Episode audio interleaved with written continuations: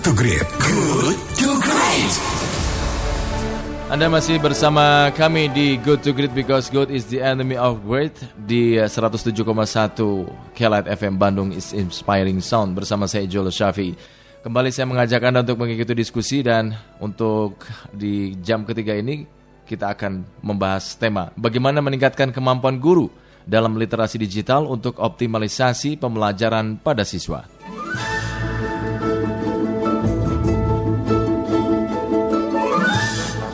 Kompetensi guru menguasai literasi digital merupakan keharusan agar bisa memaksimalkan pembelajaran di abad ke-21.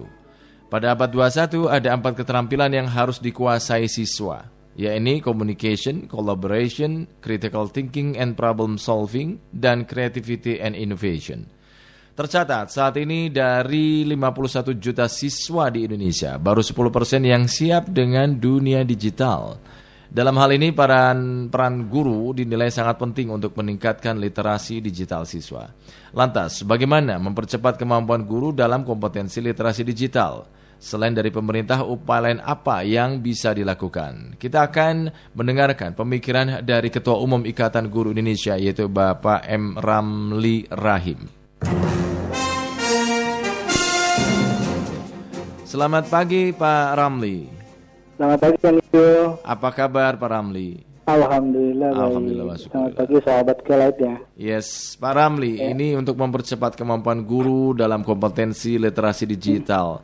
Karena kan merujuk di data kami sekarang ini dari 51 ji- juta siswa di Indonesia eh, baru 10% yang siap dengan dunia digital. Sehingga peran guru ini dinilai sangat penting ya untuk meningkatkan Iya. literasi digital siswa.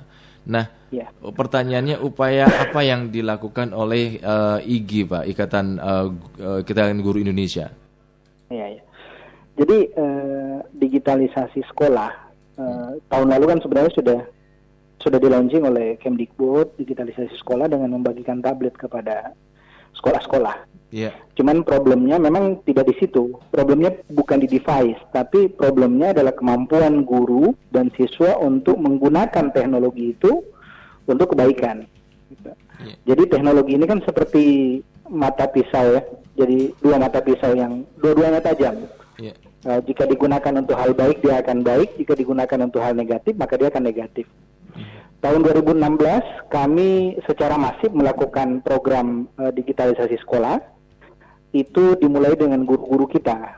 Jadi waktu itu kami menggandeng eh, salah satu perusahaan besar namanya Samsung Electronic Indonesia. Itu kemudian kita jalan ke sekolah-sekolah, kita kembangkan guru-guru kita supaya bisa melatih guru yang lain. Cuman memang problem kami saat itu adalah banyak kabupaten kota atau malah banyak sekolah yang anti digitalisasi. Hmm. Jadi malah mereka melarang penggunaan teknologi di dalam sekolah-sekolah itu. gitu. Hmm. Jadi ini yang membuat eh, itu tertinggal. Tapi alhamdulillah eh, setahun kami memang terus-menerus berjuang. Tahun kedua sampai kemudian sekarang masuk tahun ketiga ini itu sekolah-sekolah sudah mulai terbuka. Apalagi Kemdikbud sudah membuat program digitalisasi sekolah. Kemudian eh, eh, guru-guru juga sudah mulai dilatih. Nah, cuman problemnya memang kadang program pemerintah itu tidak disertai dengan kemampuan mengolah sesuatu.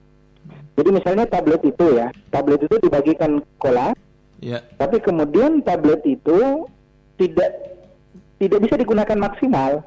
Kenapa? Karena pengetahuan tentang bagaimana memaksimalkan fungsi tablet untuk pembelajaran itu tidak dikuasai oleh guru-guru. Hmm. Jadi bisa jadi hal ini menjadi sesuatu yang mubazir sebenarnya. Gitu. Jadi inilah yang kemudian ditelusuri kembali oleh IGI sehingga tahun 2020 ini itu kami bertekad menelusuri itu tablet-tablet yang 1,7 juta itu dilempar di mana saja gitu. Iya. supaya kami bisa melakukan pendekatan ke sekolahnya atau ke daerahnya agar mereka bisa dilatih memaksimalkan apa yang mereka punya. Hmm. Ketika ini dibagikan tablet tadi ya 1,7 ya eh, Pak. Eh, 1,7 juta. 1,7 juta eh, tablet dibagikan kepada guru-guru. Tadi tadi juga Anda katakan bahwa sebetulnya bukan itu persoalannya gitu loh. Nah, lalu apa yang harus dilakukan ketika ini sudah kadung, sudah terlanjur di, di program ini dijalankan gitu loh. Artinya jangan sampai itu Iya. menjadi sia-sia ya. Eh, kami sih kami sih dalam prediksi kami karena sudah berjalan setahun Ya kemungkinan itu tingkat keberhasilannya sangat kecil. Kenapa menurut kami kecil? Yang pertama, guru yang memegang tablet itu atau siswa yang memegang tablet itu belum dibekali maksimalisasi penggunaan uh, tablet itu untuk untuk kegiatan pembelajaran. Yang kedua, device yang disediakan itu tanggung, hmm. gitu. Tanggung itu maksudnya uh, bukan yang bagus gitu, sehingga kami khawatir setahun dua tahun kemudian udah rusak itu barang-barang. Oh. Oh. Nah, kemudian kemampuan tablet itu juga di bawah rata-rata karena memang mereka membuat uh, apa membuat spesifikasi yang ya memang tidak disenangi oleh guru-guru. Jadi kami dulu kan tahun 2000, mereka tidak mau belajar dari pengalaman soalnya. Jadi kebijakan hmm. pemerintah tidak mau belajar dari pengalaman. Hmm. Kami tahun 2000, 2016 itu itu menawarkan kepada guru tiga, tiga device yang berbeda dengan spesifikasi dan harga yang berbeda. Hmm. Tapi ternyata guru-guru memilih yang mahal. Nah. Kenapa? Karena tanggung menggunakan yang murah itu, tapi manfaatnya tidak maksimal. Iya, iya, iya, iya. Ya. Nah, jadi eh, kami sudah mengaplikasikan sebenarnya harusnya Kemdikbud belajar dari hal-hal seperti itu. Hmm. Kan tidak masalah misalnya dari 1,7 juta cukuplah untuk sementara eh, 800 dulu lah, 800 ribu tablet. Tablet itu sudah lumayan. Kemampuannya tinggi gitu. Iya, iya. Pak, ini kan ketika tadi uh, device bukan persoalan pokoknya, bukan akar iya. masalahnya. Yeah. Device hanya sebagai medianya saja untuk mengakses uh, teknologi betul, kan begitu. Nah, kompetensi guru menguasai literasi digital ini kan jadi keharusan supaya bisa memaksimalkan pembelajaran di abad sekarang abad 21. Setuju, setuju. Nah, paradigma apa ya lalu lalu paradigma apa yang penting ditanamkan kepada para guru gitu loh. Yang pertama menggeser persepsi negatif tentang dia apa uh, digitalisasi pendidikan ini. Jadi uh, sisi-sisi negatifnya harus dihilangkan. Misalnya uh, kalau punya itu menguasai itu bisa dapat pornografi bisa macam-macam bisa kekerasan dan sebagainya. Itu kemudian itu disingkirkan dengan diisi dengan hal-hal yang sifatnya positif. Kalau kami di Ikatan Guru Indonesia misalnya bagaimana menggunakan tablet itu bisa menulis dan membaca dengan baik di IG namanya menemu baling ya Yeah. Kalau kemudian kita menggunakan bagaimana tablet itu bisa digunakan untuk membuat buku, ya kita mengistilahkannya satu guru satu buku, saku-saku. Kemudian bagaimana game-game yang disenangi oleh eh, anak-anak uh, kita itu kemudian diubah menjadi pembelajaran. Hmm. Nah, itu pun di IG di, dilatihkan itu. Kemudian bagaimana membuat video pembelajaran yang baik, bagaimana membuat uh, video presentasi yang baik. Itu yang kita terapkan sebenarnya di Ikatan Guru Indonesia. Hmm. Jadi bagaimana semua itu bermanfaat, diarahkan untuk ke arah manfaatnya, bukan takut dengan sisi negatifnya. Hmm, hmm. Kalau sekarang sendiri bagaimana yang anda uh, alami? Artinya di Ikatan Guru Indonesia sudah sejauh mana dan seberapa banyak guru-guru yang menguasai uh, teknologi? Sebenarnya, sebenarnya dalam uh, tiga tahun ini itu kami sudah melatih 1,5 juta guru. Hmm. Tapi itu objek pelatihannya. Jadi bukan uh, satu guru satu kali pelatihan, ada guru yang berulang kali ikut pelatihan. Oke. Okay. Sehingga kami memang memperkirakan yang baru sekitar 10% lah dari hmm. total keseluruhan guru di Indonesia yang betul-betul tersentuh dengan teknologi itu. Hmm. Nah sekarang ini kami mendorong karena tidak semua daerah mampu kami jangkau, kami sekarang mendorong uh, video pembelajaran uh, berbasis uh, dunia maya. Jadi kita menggunakan Webex, jadi bisa video conference hmm. dari jarak jauh ada guru yang melatih dari Bandung tapi dari Papua juga bisa mengikuti, ada guru yang melatih dari Surabaya tapi dari Jakarta juga bisa mengikuti.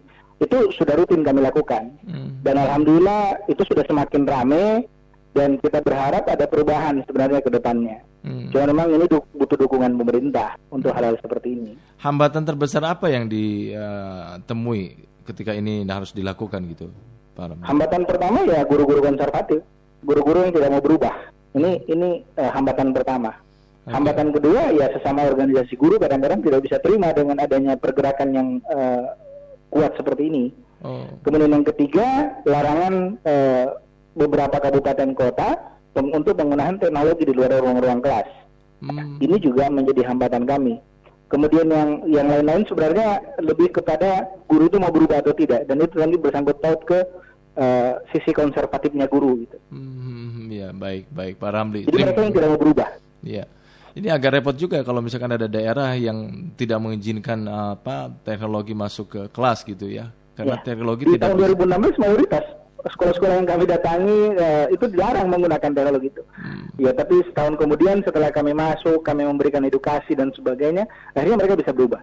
Hmm, baik, baik kalau gitu. Pak Ramli, terima kasih atas waktu Anda, Pak Ramli. Iya, terima kasih. Selamat pagi, sukses untuk Anda. Demikian sahabat Kilat M. Ramli Rahim, Ketua Umum Ikatan Guru Indonesia yang sudah kita ajak berbincang-bincang. Jadi memang tadi sudah disampaikan oleh Pak uh, Ramli bahwa kemampuan guru dan siswa untuk uh, teknologi ini adalah untuk kebaikan. Artinya teknologi tidak bisa diabaikan. 2016 program digitalisasi sekolah dimulai dari guru dan banyak yang uh, celakanya banyak yang anti digitalisasi walaupun sekarang memang sudah berkurang ya.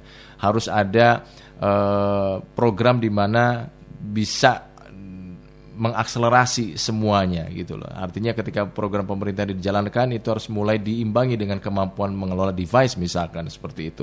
Dan yang terpenting adalah paradigma, merubah paradigma menjadi paradigma yang menilai bahwa teknologi ini adalah untuk kebaikan bukan untuk keburukan.